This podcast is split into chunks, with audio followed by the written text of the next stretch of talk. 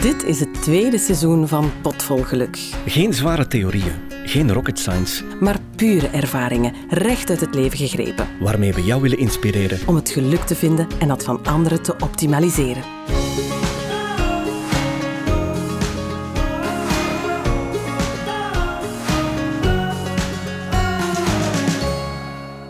Zoals vaak ben ik zeer vereerd met deze gast in de studio, Sophie. Absoluut. We hebben er veel moeite voor gedaan. We hebben een, we hebben, ik heb er een lang voorgesprek mee gehad, want ik, ik heb spijt dat we dat niet opgenomen hebben. Want het was een fantastisch leuk voorgesprek en ik dacht, ah, dit hadden we al moeten opnemen. Maar het was gewoon maar om te zien waarover we het gaan hebben met Goedemiddag, Aaron Wade. Welkom in onze studio. Goedemiddag. Ik wil jullie al onmiddellijk bedanken, want ik, ik hou ontzettend van een gesprek. Mhm. Omdat een gesprek in, in, tegenstelling tot een discussie, waarin het toch een klein beetje een wedstrijdje is, uh, dat er toch altijd iemand zijn mening wil opdringen en een winnaar zijn, kan je in een gesprek dingen ontdekken en jezelf ook verrijken. Dus ik ben hier eigenlijk vandaag om mezelf te verrijken. Fantastisch. Laat ons eerst eens mee ontdekken waar de mensen jou zouden moeten van kennen. Want ik ken jou vooral, en Sophie zei net ook, vanuit de Wachtheen 7-periode destijds. Daar speelde je akken. Maar je hebt veel meer gedaan dan dat, hè? Ja, gelukkig heb ik veel meer gedaan. Want ik ben intussen eh, ja, bijna 52 jaar. Dus het zou erg zijn moest ik alleen maar Wachtheen 7 hebben gedaan. Nee, ik ben eigenlijk gestart professioneel bij het begin uh, van VTM. Ik denk dat VTM een jaar uh, bezig was. En er was een auditie voor een, een comedyreeks een sitcom, en die heette De Kot Madame. En ik was toen nog niet uh, professioneel bezig. Ik, uh, ik zat nog in een opleiding. En ik ben toen auditie gaan doen en ik had daar echt niks, maar dan ook niks van verwacht. En ze hebben me gecast. En daar heb ik uh, zes seizoenen, denk ik, Koentje gespeeld. Dat mm -hmm. was eigenlijk de, een brave, ja, iets wat zeutig personage. In, in, want je had zo de, de typeringen. Mm. En ik speelde dan inderdaad het, het zeuteke. En ik moet zeggen, ik heb daar uh, heel lang uh, in die zin last van gehad. Dat ik dacht van, oeh, uh, mensen ver, vereenzelvigen vaak een personage met een persoonlijkheid. En mm-hmm. daar maakte ik me dan boos over. Maar nu met heel veel jaren afstand kan ik zeggen, ja, uiteindelijk is Koentje of is uh, Akke of zijn de vele personages die ik ook op theater heb gespeeld, zijn allemaal facetten van mijn persoonlijkheid. En het is zoals een cocktail die je mm -hmm. maakt. Ja, de ene keer is er wat gin bij en dan ja. wat, uh, wat tonic en in een andere cocktail is een andere samenstelling. Maar uiteindelijk ben jij dat. En ik, heb, hoorde een ongelooflijk mooie quote van Danny Boyle, uh, een heel bekende film- en theaterregisseur. En die zei: Een goed acteur, die doet twee dingen. Die speelt zijn rol en die geeft een stukje van zijn ziel.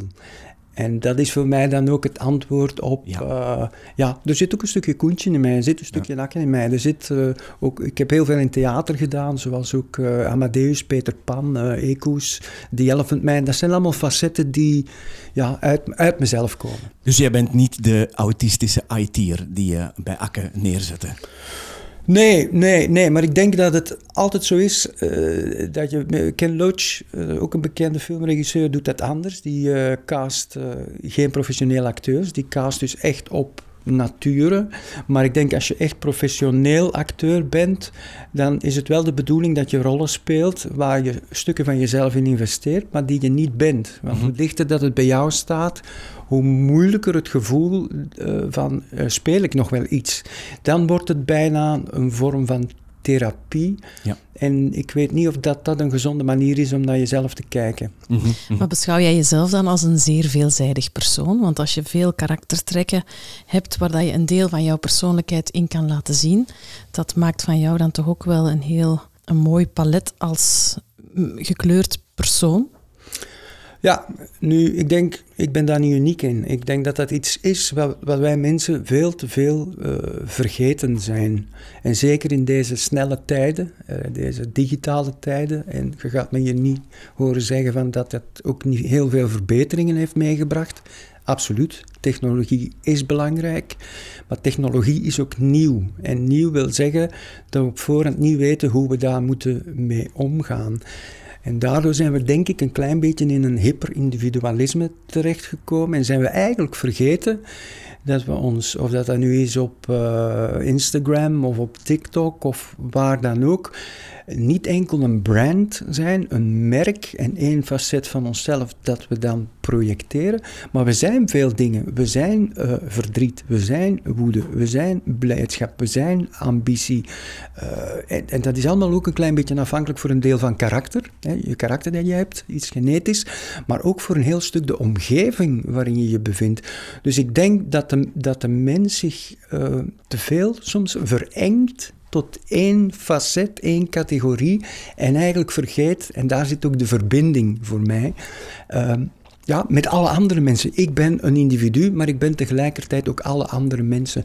Dus of mijn palet nu zoveel uh, specialer of unieker is dan een ander palet. Het is uniek in de zin dat ik het ben, maar het is niet uniek in de zin van mens zijn. Maar denk je niet als acteur dat je toch meer in jezelf moet gaan graven, bepaalde aspecten van jezelf moet gaan opzoeken, waardoor het naar boven kan komen en waardoor dat je toch een breder palet van jezelf leert ontdekken dan iemand die een meer random beroep heeft? Ja, dat is wel een feit. Uh, uiteindelijk uh, is, is, is dat de grondstof. Ik ben de grondstof. Mm -hmm. Ik moet mijn verdriet opzoeken, ik moet mijn blijdschap opzoeken, ik moet mijn uh, hoop, wanhoop, al het positieve, al het negatieve in mezelf ontdekken. Want als het niet gevoed wordt door mezelf, hè, dat is wat ik er straks met die quote van Danny Boyle ook, ook zei, dan leeft het ook niet. Mm -hmm. Het um, moeilijke daaraan is, dat is als je, dat zal ieder in zijn eigen vak ook wel begrijpen en ervaren. Dat is als je veel gaat graven, graaf je ook alles op. Hè? Je, je, graaft, als we in archeologie zouden zitten, de vazen op en, en, en de, de poppetjes. en de beenderen. Maar ook de beenderen, ja. ja. En dat is ook een beetje wat er soms gebeurt, als, zeker als je donkere personages speelt. Uh, hmm. Zowel als, je, als ze positieve personages zijn, zoals Akke bijvoorbeeld, dan krijg je enorm veel energie. En dan heb die gekte toe en dan, dan, ja, dan ben je de koning of de Alexander de Grote, bij wijze van spreken. Maar als je natuurlijk, uh, en dat heb ik in mijn, mijn uh, carrière ook een paar keer gedaan, uh, donkerder of personages met een heel groot verdriet. Ik spreek dan over die Elephant Man, ik spreek over Ekus, waar ik een, een getormenteerde psychische patiënt speelde. Dan ga je wel heel diep in de donkere kant van jezelf en dan moet je opletten dat door zo diep te graven en dat telkens terug op te bouwen, en te blijven bouwen, dat dat geen moeras wordt waarin je verzuipt. Aaron, ik moet eerlijk toegeven, wij waren uh, zeer geïnteresseerd om jou hier te hebben, mm -hmm. omdat wij ergens te weten kwamen mm -hmm. dat jij als mens, en dan heb ik het niet als acteur, maar nee. dat jij als mens heel diep hebt gezeten, maar, en nu komt het interessante deel, je bent er helemaal uitgeklommen. En toen zijn we heel erg geïnteresseerd geraakt. Dus wij willen van jou weten, Um, in de eerste plaats, waar heb jij dan gezeten? Wil je dat kort voor ons even schetsen? Hoe diep jij gezeten hebt ooit? Ja, ik kan jou dat uh, heel duidelijk zeggen waar ik heb gezeten. Uh, ik heb een uh, meerdere fasen van een depressie gehad. En depressie was aanvankelijk voor mij ook iets waar ik geen taal voor had. Voor mij was depressie karakterieel. Dus ik ging ervan uit in het begin dat ik dat was. Het probleem is, als ik iets ben, is het moeilijk om je voor te stellen iets anders te zijn. Dus ik was eigenlijk depressie. En dat geeft het gevoel dat er ook geen enkele manier is om terug op adem te komen, daaruit te kruipen. Goed, tot op een gegeven moment mijn uh, toenmalige psychiater zei, maar weet wel dat die depressie, dat het een, een ziekte is, is er bij mij een klik gekomen. Want natuurlijk, als je weet, ik heb om een andere ziekte te nemen, ik heb kanker, ik ben niet die kanker, ik heb kanker. En dan kan je daar, hoe moeilijk dat dat ook is, uh, mee omgaan. Waar heb ik gezeten? Uh, misschien moet ik dan zeggen wat een depressie uiteindelijk is. Ik moet er wel uh, bij opmerken dat elke depressie is anders. Dus ik zal nooit beweren van mijn depressie is nu de depressie. Dus ik spreek heel persoonlijk nu. Maar voor mij was het alsof ik uh, een spiegel had waar ik duidelijk mezelf in zag. En die viel in 10.000 stukken. En ik zag niets meer. Dus mijn ik was volledig opgelost, zoals eigenlijk een, een bruistablet in een glas water. En het enige wat je nog ziet is, is troebel. Maar je ziet niks meer. Je ziet ook dat glas niet meer. Dus er was een totale vernietiging van mijn, van mijn ik.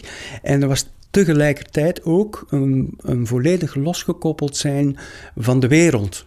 Dus je hebt met niks of niemand nog verbinding, waardoor je eigenlijk zelf niets bent. En ik vergelijk dat altijd met het beeld van je wordt in, in de ruimte gesmeten, in space, en daar is alleen maar duisternis en kilte. Dus het is een volledig, uh, een totale uh, ja, vernietiging van je, van je ik, waar geen adem meer is, waar angst en, en diep verdriet en wanhoop regeert. En daar heb ik gezeten. Dat is diep. Ja, dat, ja, dat is ontzettend diep. Um, en ook zo lost in space denk ik dan. Zo. Ja, en ik ben natuurlijk zelf nog niet in space geweest, maar, uh, en ik zal ook niet geld hebben om uh, bij een van de miljardairs een ticket te kopen om in space. Maar wat ik ervan weet is dat uh, als je inderdaad in space wordt geworpen, er is geen boven, er is geen onder, er is geen links, er is geen rechts, er is niets. En het is heel moeilijk voor een, een bewust iemand of een bewust wezen om plots niets te zijn. Omdat dat is een ervaring die je normaal niet hebt. Je hebt normaal betekenis in je leven, uh, verbinding in je leven. En dat was volledig afgesloten. Maar je zegt plots. Hm. Hoe plots ontstaat zoiets? Heeft dat een hele lange aanloopfase gehad? Heb je dat kunnen aanvoelen? Is dat iets wat je van vandaag op morgen op je schoot geworpen werd? Of hoe heb jij dat ervaren? Nee, eh, natuurlijk, eh, je voert nu dat gesprek met mij en nu is er afstand. Dus ik heb daarover kunnen nadenken. Ik heb daar een, een blik van buitenaf op kunnen richten. Dat is niet zoals je erin zit. Maar ik ga u vertellen hoe ik er nu in sta. Voor mij was het eigenlijk niet plots. Het leek alsof het plots was, omdat ja, op een gegeven moment zit je in dat niets zijn. En daar kan je niet meer uit. En dan is elke, elk gevoel voor tijd en ruimte verdwenen. Maar als ik terugkijk naar mijn leven, is mijn depressie, of hetgeen dat aanleiding heeft gegeven tot mijn depressie, waarschijnlijk ontstaan kort na mijn geboorte. Ik heb een moeilijke geboorte gehad. Ik ben bijna gestikt met de navelstreng. Ik ben na een maand uh, of drie weken uh, mijn, uh, mijn moeder gaf borstvoeding na medicatie. Ik had een vergiftiging, moest ik terug in het hospitaal. Dat zijn allemaal stressfactoren die, ja, men begint dat nu ook meer en meer te begrijpen. Dat mensen ook gevormd worden voor ze taal hebben en voor ze zelfs een bewustzijn hebben. Want als baby heb je dat niet, je gaat op in, in je omgeving. Dus daar is het begonnen en ik denk ook op mijn zeven jaar heb ik dan een zwaar ongeluk gehad. Met, ik heb mijn friteuzen omgetrokken en was over heel mijn lichaam, behalve mijn gezicht, uh, verbrand. Mijn vader heeft me er toen uitgetrokken. En men wist, in 77 wist men nog niet dat men alleen maar moet afkoelen, dan naar het hospitaal en dan de kledij opensnijden, uh, openknippen. En dat heeft hij niet gedaan. Hij heeft uh, ja, ter goeder trouw mijn kledij uitgetrokken en zo mijn vel ook mee. Want dat was ingebrand in mijn... En het ding is, mijn ouders waren toen zelfstandigen, hadden niet zo heel veel tijd. Het was ook een ander tijdperk, dus ik neem hun dat ook niet persoonlijk kwalijk. Maar toen ik uit narcose kwam na mijn, ben drie keer geopereerd, uh, waren zij er niet. En dan stapelt zich een trauma op. Dus dat is iets. Ja, dan weer een aantal jaar later zijn mijn ouders failliet gegaan. Dat, dat was voor mij als 11, 12-jarige. Ik begreep wel dat er iets aan de hand was, maar je kan niet zeggen: ah, dat is een faillissement en dat is de reden. En daarom. Dus wij werden uit ons huis gezet. En als ik dat allemaal begin op te tellen, dan begon er zich in mij iets ja, op te bouwen. Een soort van zolder waar je dat allemaal weglegt, onbewust. En op een dag heb ik uh, dat, dat deurtje opengetrokken, dat luik, ja, voilà. En is het allemaal naar beneden gekomen. En dat, daarom leek het voor mij plots, maar het was niet plots. Mhm. Het had een enorme opbouw. Nu, ik zeg het er nog eens bij, dat is mijn depressie. Er zijn ook mensen die een depressie krijgen van ze verliezen een partner of ze hebben een ongeluk. Mhm. Of, maar dat is in mijn geval zo. Dus depressie is een deel uh, van mijn geschiedenis. Het moest gebeuren eigenlijk. Het was een soort van potentieel dat vroeg of laat zich moest ontpoppen. Ja, daar komt het eigenlijk op neer. Uh, ja, ik denk zoals mijn leven gelopen is. En dan moet ik ook bij zeggen dat tegelijkertijd, uh, wat heb ik daar tegenover geplaatst? Ik heb daar tegenover geplaatst, het uh, begrijp ik nu, mij verstoppen en beveiligen, want het gaat fundamenteel over een onveilig gevoel. Ik ben onveilig opgegroeid. Ik ben opgegroeid met te weinig hechting. Wetende, als mij iets overkomt, zijn er mensen rondom mij die mij onmiddellijk uh, bevestigen in mijn gevoel of me, kunnen troosten. Dus dat had ik allemaal uh, niet. En dat begrijp ik nu, dat, dat dat ook ervoor zorgt dat mijn emotionele taal, om dat te kunnen counteren, zeer beperkt, zeer beperkt was. En te weinig om. om ja. Dus het was inderdaad uh, een, een ongeluk dat stond te wachten om te gebeuren. In welke mate speelt bijvoorbeeld schuld en schaamte mee als voorbereiding tot?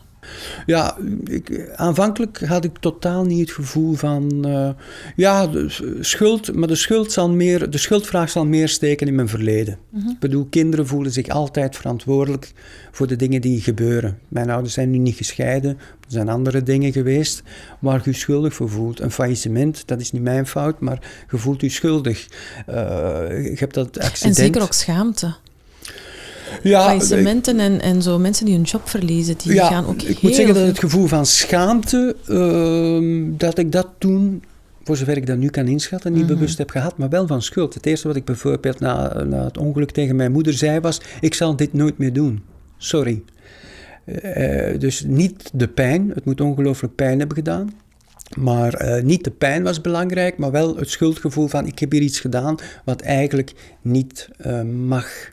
Maar als we het hebben over pijn, dan merk ik dat de fysieke pijn, dat die eigenlijk niet het probleem is. Die, die, ja, die is intens geweest. Uh, ik herinner mij nog als ik bij de, in de, bij de verpleegster lag, dat ik, ze smeerde nu toen in met een, een witte pasta om waarschijnlijk geen infecties te krijgen. En ik kon nog zeggen, ja, mijn, mijn rechtervoet eerst, uh, zuster, zei ik dan. Hè, want mijn twee, die brandt net iets harder dan mijn andere voet. Dus het moet iets, ja, enfin, ik kan mij dat niet meer voorstellen. En ik ben dat ook vergeten. Maar wat ik nooit ben vergeten, tot op de dag van vandaag, is natuurlijk die emotionele pijn. En dat is het. Bij mensen zijn een, een samengaan van lichaam en geest en het is denk ik op vele punten makkelijker om, om die fysieke pijn te bestrijden dan het is om geestelijke pijn bij de lurven te vatten en te kunnen. En dat is een essentieel onderdeel geweest van mijn depressie. Wanneer heb jij voor het eerst een kentering ervaren? Met wie of wat? Ja, de, de kentering zit erin. Mijn eerste kentering was, wat ik daarnet ook al gezegd heb, dat is het feit dat ik voor mezelf zoiets had van, het is een ziekte. En toen wist ik, oké, ik kan het aanpakken. Het heeft, natuurlijk heeft het ook iets karakterieels en hoe ga je ermee om? Maar je kan ermee omgaan. Dus dat was voor mij een fundamentele klik. Ik heb toen ook eh, medicatie uh, genomen, therapie uh, gevolgd. Alles gedaan wat kon. Wat voor mij toch nog een bewijs was dat het leven harder aan me trok dan de dood. Daar wil ik even nog bij zeggen dat, uh, misschien is dat vaak een misvatting, maar mensen die in een depressie zitten en, en kiezen voor de dood, dat is vaak niet omwille van het willen dood zijn, maar dat is omwille van het niet meer willen lijden. Mhm. dus, en dat heb ik zelf uh, ook enorm e-, ervaren. Maar voor mij is dat, een, is dat een kentering geweest. En op een gegeven moment, weet ik, ik moest een uh, lezing houden voor iets. En ik voelde me na, na afloop van die lezing prettig. Ik had terug een, een gevoel, een positief gevoel. En toen dacht ik, wow, we zijn hier aan het uitgeraken. Want dat is namelijk wat een depressie doet. Het sluit je af van elk interesse en elk goed gevoel dat er in de wereld is. En vanaf dat kleine goede gevoel heb ik me terug kunnen opbouwen. Omdat dat is het ook vaak. Hè. Je, hebt, je hebt soms, dat is zoals iemand die te weinig zelfvertrouwen heeft. Eh, geeft die een, een, een kleine succeservaring en dat volgende stapje kan gezet worden. Het schept hoop. Ja, het schept hoop en het schept ook actie. Want ik denk dat hoop zonder actie is, uh, werkt niet. Ik denk, het, het, zit hem in het doen. Hè. We kunnen veel denken en ik spreek mhm. nu natuurlijk ook ontzettend veel op dit moment. Maar het is uiteindelijk de actie, het doen. En dat ben ik ook gaan doen. Ik ben terug gaan, gaan spelen. Uh, ik heb toen mijn eerste rol die ik aannam was The Elephant Man. En dat was alsof het, ja, bij wijze van spreken in dit universum het moment was voor mij om dat dan te gaan doen. Omdat dat ging ook over een man die kwetsbaar was, maar die wel, ondanks zijn uh, ja, tekortkomingen, zijn beperkingen, zijn uitgesloten worden door de gemeenschap, want hij was helemaal misvormd in de 19e eeuw, een kermisattractie. Maar zijn kwetsbaarheid heeft mij ook die kracht gegeven om elke avond opnieuw. Um, dat was zo mooi aan dat personage. Hij zag ondanks al het leed altijd het goede. En in de kleine dingen, wat een mooie theepot, uh, ik zeg nu maar iets. En, en, oh, je woont hier mooi. En dan dacht ik, goh, ik heb daar een heel stuk van mijn ziel en van mijn genezing ingestoken.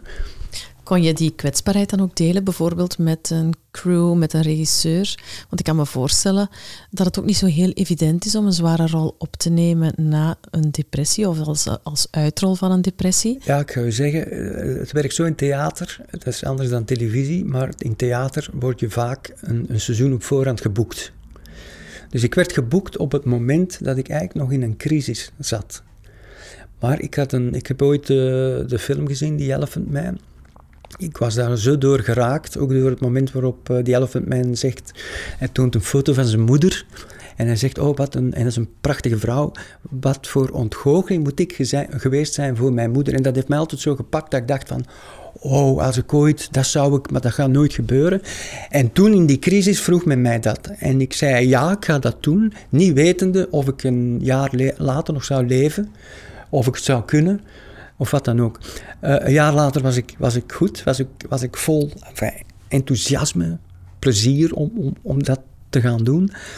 En ik heb daar eigenlijk niet over gesproken op dat moment. Ik heb dat helemaal zelf beleefd. Ik wilde ook, na zo lang te spreken over ja, negatieve dingen, wanhoop, ja, op een gegeven moment is die energie ook op. En je moet ook, denk ik, soms opletten dat je niet vervalt in een soort conditionering, waarin je jezelf, je kan jezelf naar boven conditioneren, maar je kan jezelf ook heel makkelijk naar beneden conditioneren.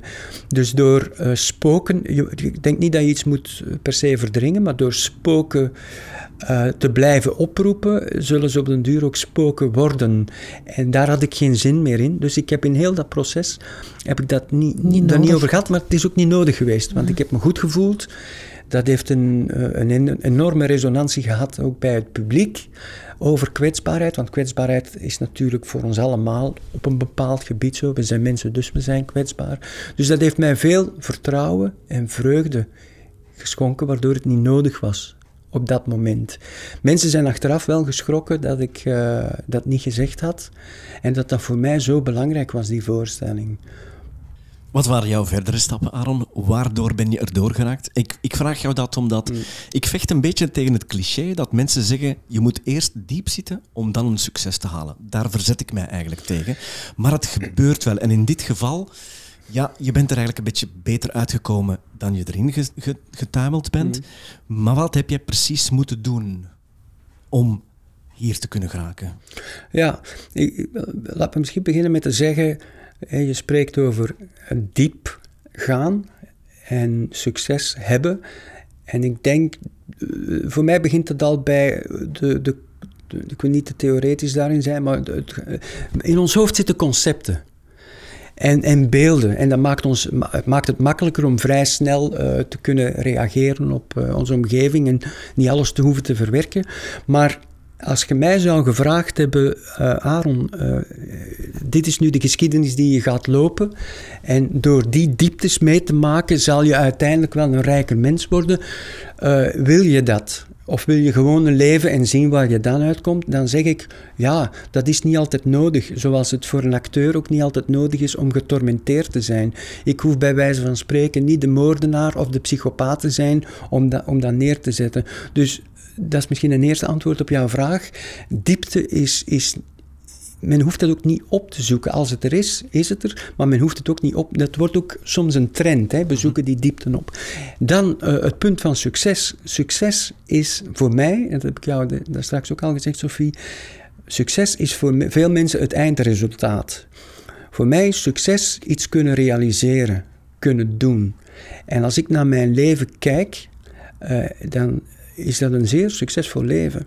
Want uiteindelijk heb ik, uh, ben ik zeer dankbaar. Dat is, dat is, misschien het, het, woord dat ik het meest moet gebruiken in heel mijn leven. Dat is dankbaarheid. Dankbaar dat ik de dingen heb kunnen doen, met de mensen heb kunnen werken, met wie ik heb kunnen werken. En, en waardoor ik eigenlijk, los van de depressies, een fantastisch, een fantastisch leven heb. En waar dat mensen vaak succes vertalen als zijnde, uh, het wordt opgepikt door een groot publiek en ik heb roem en ik heb geld en ik heb, dan zeg ik, ja oké, dat is misschien voor weinigen weggelegd, maar dat is ook niet duurzaam. Dus ik ga voor succes en niet voor het grote succes. En ja, als ik dan kijk hoe mijn leven is gelopen, hoe het nu loopt, hoe ik, dan denk ik, ik heb ontzettend. Uh, ik ben natuurlijk wat ouder geworden, maar ik heb die spielerij in mij. Ik, heb die, die, ik, ik, ik wil naar buiten. Ik heb die drang naar een publiek. Dat kan zijn in een boek, dat kan zijn in een, uh, in een film, dat kan zijn op een scène. Maar ik heb die drang om te communiceren met mensen, om me op een bepaalde manier te verbinden. En dat is hetgeen dat mij er uiteindelijk heeft uitgehaald, is toch u terug kunnen, binnen mijn beperkingen weliswaar, maar kunnen verbinden aan de wereld. Terug plezier hebben in de dingen die ik doe. Want acteren is nu eenmaal een, een evenwicht tussen angst, hè, van het podium op en beoordeeld te worden, en het enorme plezier om te zeggen: ik ga dat publiek meepakken en ik hoop dat er één iemand in de zaal zit die geïnspireerd is, die buiten gaat als een ander mens dan dat hij is binnengekomen. Mhm. En dat is altijd mijn, mijn geluk geweest. Ik, en mijn betekenis, in, en daar gaat het over. Um, want dat heb ik misschien daar straks ook nog niet, niet gezegd bij de depressie. Maar daar is het, in een depressie heerst het absolute betekenisloze. Nu, ik denk voor mensen die een bewustzijn hebben of voor wezens, zo moet ik het zeggen, wezens die een uitgebreid bewustzijn hebben, is geen betekenis, geen optie. En betekenis maakt niet uit of het mijn tuin is, of pottenbakken, of uh, de wereldpolitiek leiden, of een theaterstuk spelen, daar gaat het niet over. Maar betekenis is het unieke dat mensen kunnen geven aan hun, aan hun leven. En dat is ontzettend belangrijk. En ik heb terug betekenis kunnen geven aan mijn leven. En in het woord zit het ook, hè, betekenen. Dus, dus een, het zijn tekens, dus je herkent het terug. Je herkent terug een mooie boom. Je herkent terug een lach. Je hebt terug een doelstelling. En dat zijn belangrijke, belangrijke dingen om op voor te bouwen. Dus die fase van niet zijn hm. werd op den duur terug ingevuld ja. met herkenbare puntjes. Ja, je wordt terug mens. Je ontmenselijkt in een depressie en je wordt terug mens. Geleidelijk aan? Ja, zeer geleidelijk aan. En ik moet er wel bij zeggen dat het, uh, het is wel een proces, of in mijn geval althans, het is een ziekte en je moet ermee omgaan. Dus het is geen, ik, ik zou liegen moest ik zeggen, ik heb een pasklare oplossing van, uh, heb je hoofdpijn, neem een dafalgan. Moest het zo eenvoudig zijn, ja, dan namen we allemaal een dafalgan natuurlijk. Nee, ik weet, ik heb een bepaalde gevoeligheid. En als je weet dat je een bepaalde gevoeligheid hebt, kan je daar ook naar leven. En dat is denk ik wat ik nu aan het verwerven ben, nog niet verworven heb, maar aan het verwerven ben, dat is leren omgaan met die ziekte. Mij niet opsluiten in een soort van uh, slachtofferschap, ik spreek zeer persoonlijk, waardoor je niet meer kunt handelen, niet meer kunt denken, niet meer kunt voelen, maar uh, tegelijkertijd wel weten, oké, ik heb extra limieten gekregen. Dus dat, is, dat zal waarschijnlijk een heel leven met me meegaan, maar het maakt mijn leven niet onmogelijk. Is dat een beetje typisch aan gedreven mensen? Mensen die iets te bieden hebben, iets te geven hebben? Ja, ik, ken natuurlijk niet alle mensen die een depressie hebben, maar ik denk wel dat, dat gedrevenheid. Ja, maar ik denk wel dat gedrevenheid. Ja, je kan niet van iets de positieve dingen hebben en eigenschappen en niet de negatieve. Dus als je gevoelig bent en heel veel energie hebt en je ontzettend verbindt, ja, dan kan het ook wel eens zijn dat je overgevoelig wordt. Dat je, dat je signalen eh, binnen, binnen, binnenkrijgt die een kortsluiting in je, in je brein geven. Dat het oververhit geraakt. En ik denk dat echt gedreven mensen, creatieve mensen, ja, misschien ook niet de doorsnee van de natuur zijn. Dat er in de natuur meer een balans wordt gezocht. En dat die mensen eigenlijk, bij wijze van spreken, niet die geestelijke balans hebben. En de positieve gevolgen daarvan zijn dan inderdaad creatief zijn. De negatieve gevolgen van dit extremere zijn, is dan dat je ook ja, in het negatieve kan verzakken. Ik denk dat je verbeelding kan positief zijn En je kan geweldige dingen doen, zoals jullie doen met de post podcast en alle plannen die, die jullie daar rond hebben. Maar je kan ook Poetin zijn en de wereld willen veroveren. Omdat je denkt dat, dat er zoiets bestaat als een Russische natie en we moeten dat terug herstellen. Of een psychopaat die denkt van, uh, ja, ik moet hier uh, een heleboel men mensen uitmoorden. Dat is diezelfde verbeelding, maar in een andere richting. En ik denk dat we dat soms vergeten. In welke mate is het zoeken van die balans voor jou een onderdeel van het geluk? Dat is voor mij de definitie van het geluk. of de definitie. Um, het is het streven, laat het maar zo zeggen. Ik denk dat geluk is voor mij een streven. Dat is een beweging. Ik denk dat niets in je leven verworven is. Hè, zoals dat nu ook niet is met mensenrechten en, en dat soort zaken. Maar dat je die dingen, uh, dat je daarnaar streeft en, en ze zo goed mogelijk probeert die dan te, te beantwoorden en er, en er naar, te, naar te leven. En voor mij is geluk, geluk is die eenheid, die harmonie tussen je lichaam, je geest, met jezelf, dus met je met je ik, of wat je veronderstelt dat je ik is. En tegelijkertijd dat dat ik, dat dat individu uh, in die kokon zit van de omgeving, van de maatschappij, van de wereld, van de wereld, van de kosmos. En dat bedoel ik hier niet op een esoterische manier, maar dat bedoel ik eigenlijk zeer concreet. Wij zijn een onderdeel van alles. Wij zijn die sterrenstof die zijn bewustzijn heeft verworven en daardoor in staat is om ook geluk te ervaren en tevredenheid te ervaren en dingen te creëren. En dat is voor mij geluk. Voor mij is geluk een streven naar die balans. Je sprak daarnet ook over het vinden van vertrouwen. Mm Je hebt dat vertrouwen vandaag gevonden. Mhm. Ja, ja, absoluut. absoluut. Ja, goh, het leven is vaak in mijn, in mijn hoe, ik, hoe ik het dan zie, een samenloop van omstandigheden. Voor mij beweegt alles constant zoals het menselijk lichaam is ook een planeet van bacteriën en, en, en goede virussen en cellen. En wij, wij, zijn ook een organisme voor. Dat vergeten we ook vaak. We denken dat we alleen maar ons bewustzijn zijn. Nee, we zijn dat lichaam, we zijn die geest. Maar er zijn ook andere mensen voor nodig. Wij zijn een sociaal dier. Uh, daarom is de ergste straf ook isolatie, denk ik, voor mensen. Dus we zijn een sociaal dier. En omdat alles constant gebeurt, zijn er dingen die mij ook overkomen. De negatieve dingen, maar ook de positieve dingen. En vier jaar geleden is mij iets ontzettend positiefs overkomen. Ja, en ik noem dat dan toeval. Andere mensen zullen zeggen, het universum wil dat dan uh, voor jou, maar goed, maakt niet uit. Het resultaat is hetzelfde. En heb ik uh, Ria Maas leren kennen. Uh, dat was op een, uh, ja, een soort van zomeruniversiteit van, van een politieke partij, waar er lezingen werden gehouden. En we kwamen toevallig in gesprek, omdat de kinderen, uh, wacht eens even, fans waren. En zij vertelde me dat ze schrijfster was. En ik vroeg aan haar, uh, ik, deed dat nogal eens vaker, aan mensen vragen, wat, wil je nu eigenlijk doen in je leven? Omdat mensen vaak wel, uh, of ze weten niet wat ze willen in hun leven, of ze weten wat ze willen, maar doen het niet. En bij Ria was het dan het tweede, denk ik. Dus ik vroeg aan haar, ik zeg, wat wil jij nu eens schrijven, als je nu volledig niet afhankelijk bent van opdrachten? Uh, een thriller. Ik zeg, ja, laat ons een afspraak maken. Elke keer als ik jou zie in de toekomst, ga ik zeggen, ben je al aan dat boek begonnen? En ik heb haar dan ja, vier, vijf keer gezien en ze was niet aan dat boek begonnen, hè, wat de meeste mensen ook niet doen. En dan heeft ze mij op een gegeven moment opgebeld en gezegd: Aaron, zie jij dat zitten?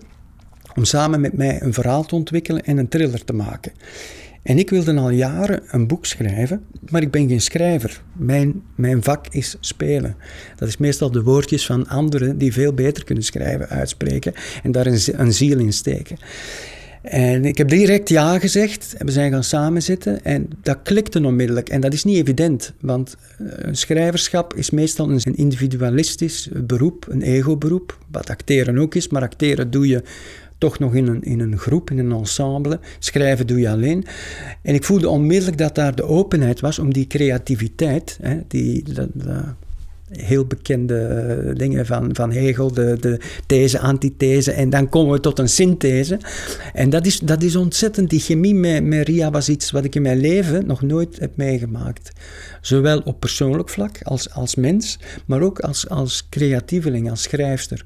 En we voelden dat dat zo goed uh, werkte dat we die samenwerking zijn blijven houden. En dan door uh, persoonlijke omstandigheden, op een gegeven moment ja, moest Ria een nieuwe toekomst of ging Ria een nieuwe toekomst opbouwen. En ik vond dat toen veel te waardevol om dat te laten schieten. En ik heb tegen haar gezegd, wat er ook gebeurt in jouw leven, uh, mijn thuis is jouw thuis. En dat is dan inderdaad ook geworden. Ria is dan bij mij komen wonen in het begin was het eigenlijk de bedoeling dat we dat drie maanden gingen doen. Maar ik voelde dat dat zo enorm, ook in het samenleven, want dat is dan toch nog net iets anders dan samen schrijven, ook zo ontzettend goed. Uh, we gunnen elkaars ruimte en we hebben ook die gemeenschappelijkheid. Ik denk dat dat belangrijk is als je chemie hebt met iemand, dat je dat, dat kan.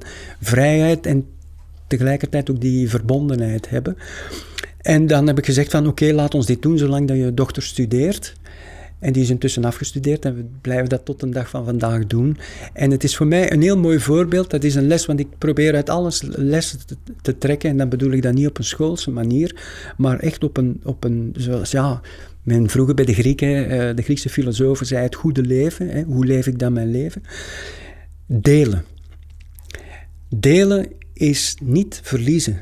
Dat kan ik, ik ga het nog eens zeggen omdat ik het zo belangrijk vind. Delen is niet verliezen. Delen is winnen winnen in de zin van eh, het 1 plus 1 is inderdaad 3.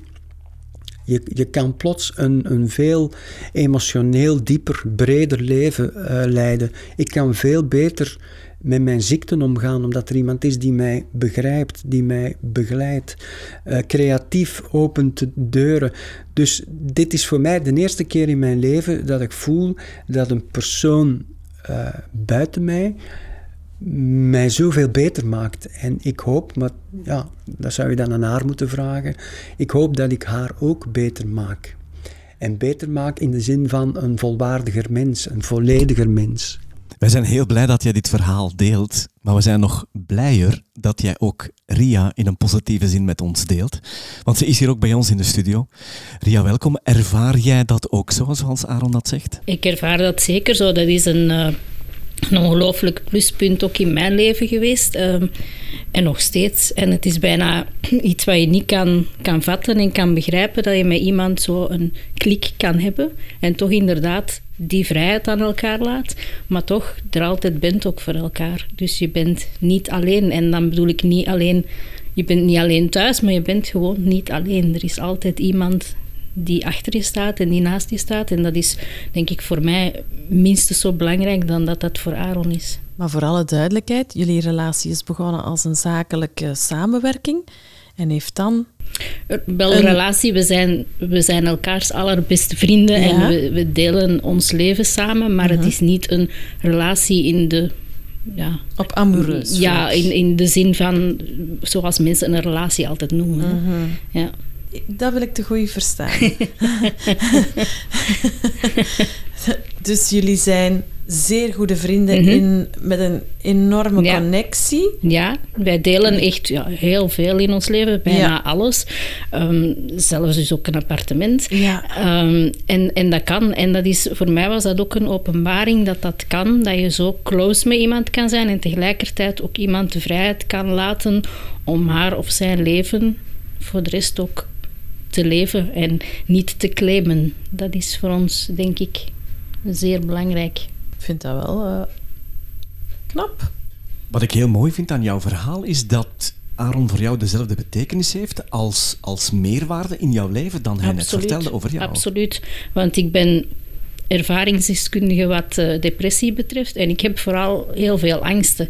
En ik heb gezien bij mezelf, en dat is eigenlijk ja, voor mij is dat automatisch gekomen, maar dat ik in de loop van de voorbije vier jaar een heel groot deel van die angsten heb kunnen afleggen. Om een voorbeeld te geven, wij komen vanuit Antwerpen, we zijn hier in Westerlo. Ik had hier vier jaar geleden niet gezeten. Ik had iemand moeten opbellen om mij naar hier te brengen en ik zou hier zitten van, kan ik nog niet buiten, kan ik nog niet weg? Aaron geeft mij een ongelooflijke rust. Ik weet ook, als ik zeg tegen Aaron, als we ergens zijn, het gaat niet, dan gaat het niet, zijn we weg. Ik heb dat nog geen één keer moeten zeggen, gewoon omdat ik dat weet. En ik heb tot op dat moment dat ik Aaron leerde kennen, niemand gehad waarmee ik dat gevoel had. Die zekerheid van, we zijn hier samen en we doen dat samen en dat gaat. Is dat wat ze noemen soulmates? Ja, ik denk dat. Ik denk dat, dat, daar, dat dat is wat men daarmee bedoelt. Dat is iemand die je aanvoelt zonder dat je dat eigenlijk hoeft uit te leggen. Wauw. Ja. Ja, knap hè? Ik, ik, ik krijg daar een beetje kippenvel van. Kan je ons vertellen hoe jij de donkere dagen van Aaron hebt ervaren? Heel moeilijk, omdat dat natuurlijk heel pijnlijk is. Ik bedoel, niet moeilijk omdat dat voor mijzelf zwaar was om dingen te moeten doen, maar pijnlijk vooral. Omdat diegene waar je dan zo'n connectie mee hebt, dat is erger dan dat het jezelf zou overkomen, denk ik. Want je wil dat niet voor iemand die je zo na is en die je zo graag ziet. En je kan ook zo weinig. En dat is ook het moeilijke. En het is, Aaron zei het er straks, het is een ziekte.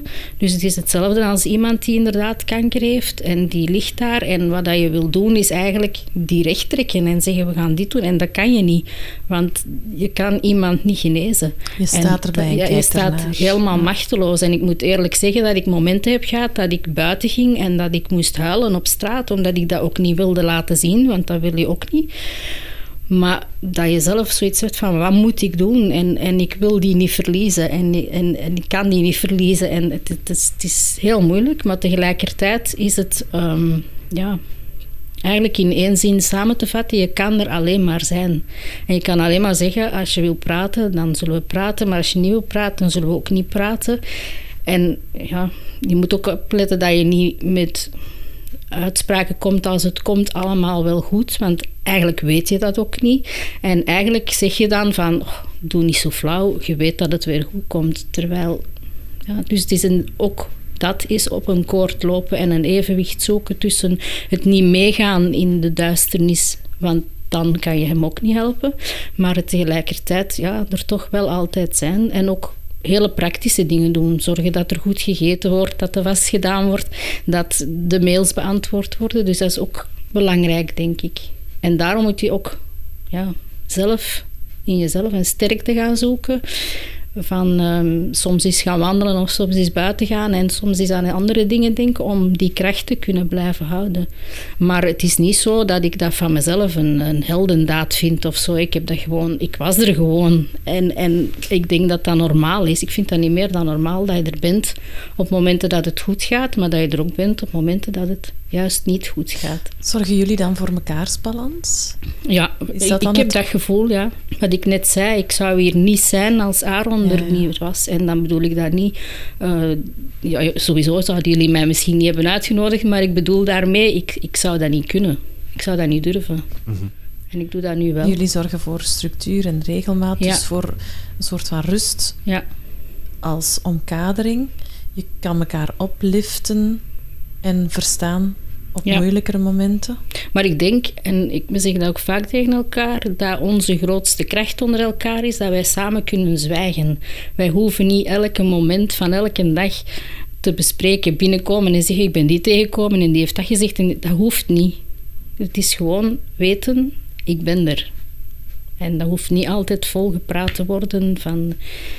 Of dat is ook niet een weegschaal. Ik heb voor u dat gedaan, nu moet jij voor mij dat doen. Want eh, nee, het is gewoon heel organisch gegroeid. En Hoe kijk jij nu terug op dat ganse proces van de afgelopen vier jaar?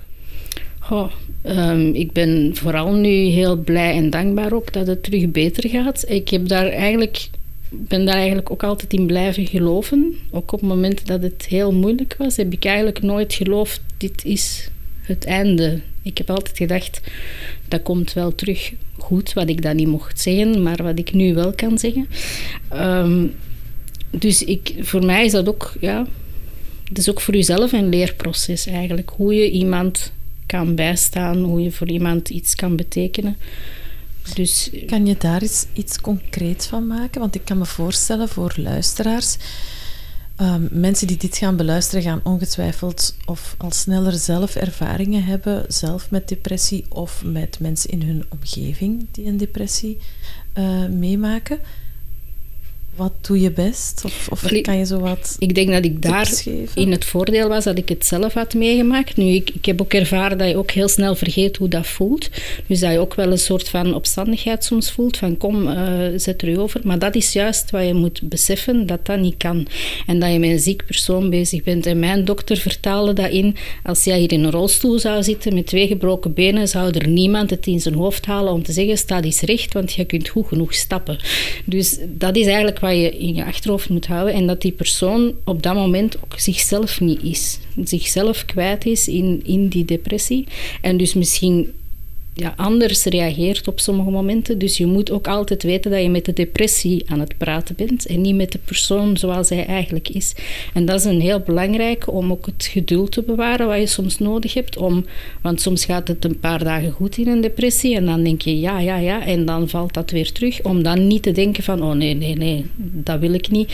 Ja, het is geen kwestie van willen. Het is een kwestie van dit is vandaag en vandaag schijnt even de zon, dan gaan we er even van genieten en morgen hebben we misschien weer regen, maar dan zullen we een paraplu pakken en komen we er ook wel door. Dat is eigenlijk, ja, je moet eigenlijk meeleven en dat heb ik ook van de dokter geleerd um, op het moment zelf. En je moet niet proberen om die persoon te laten lopen of te laten rennen op het moment dat hij nog niet kan stappen. Je moet op dat tempo een beetje meegaan. Het is ook een beetje de depressie van Echternach. Ja, maar dat is ook zo. Ja, dat is ook zo. Ja.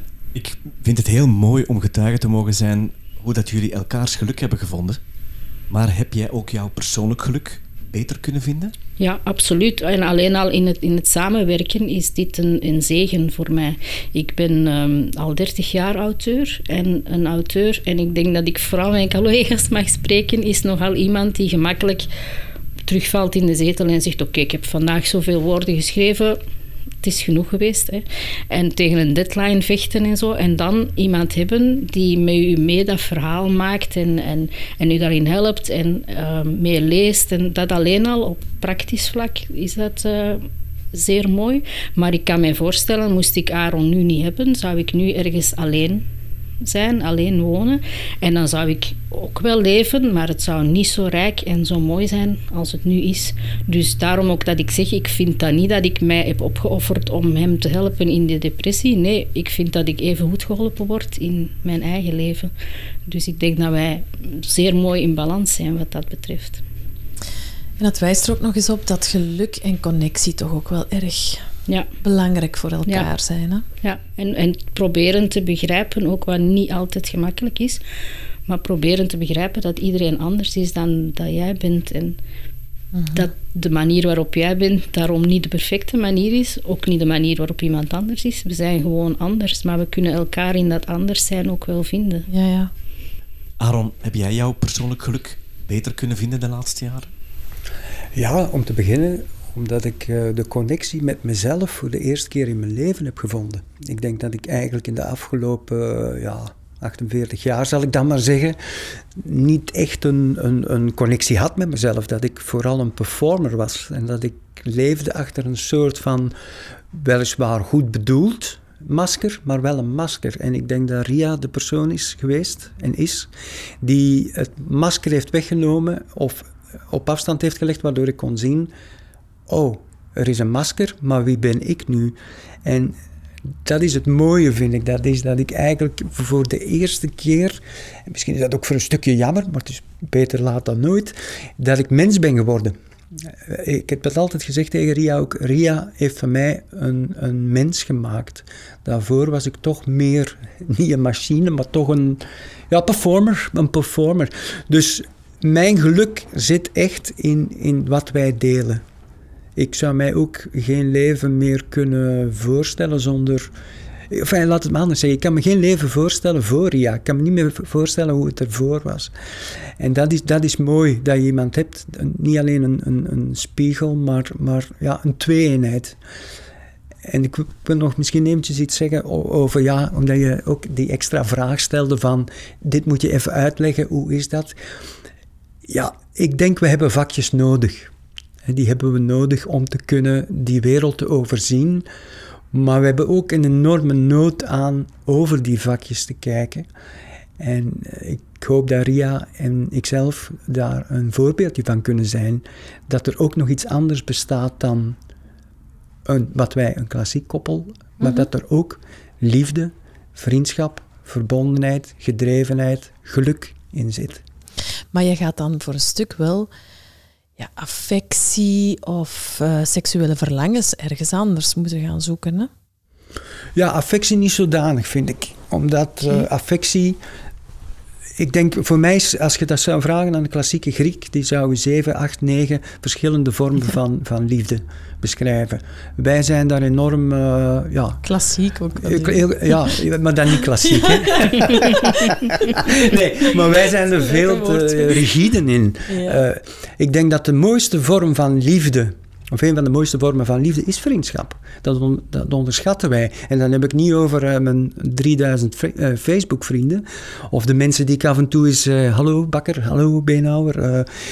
Dat heeft allemaal zijn waarde, maar dat is geen vriendschap. Maar een echte vriendschap is wat liefde eigenlijk ook moet zijn. En dat is de ongedwongenheid en de eerlijkheid en de openheid die een, een, ruimte krijgt waarbinnen zij kan bestaan.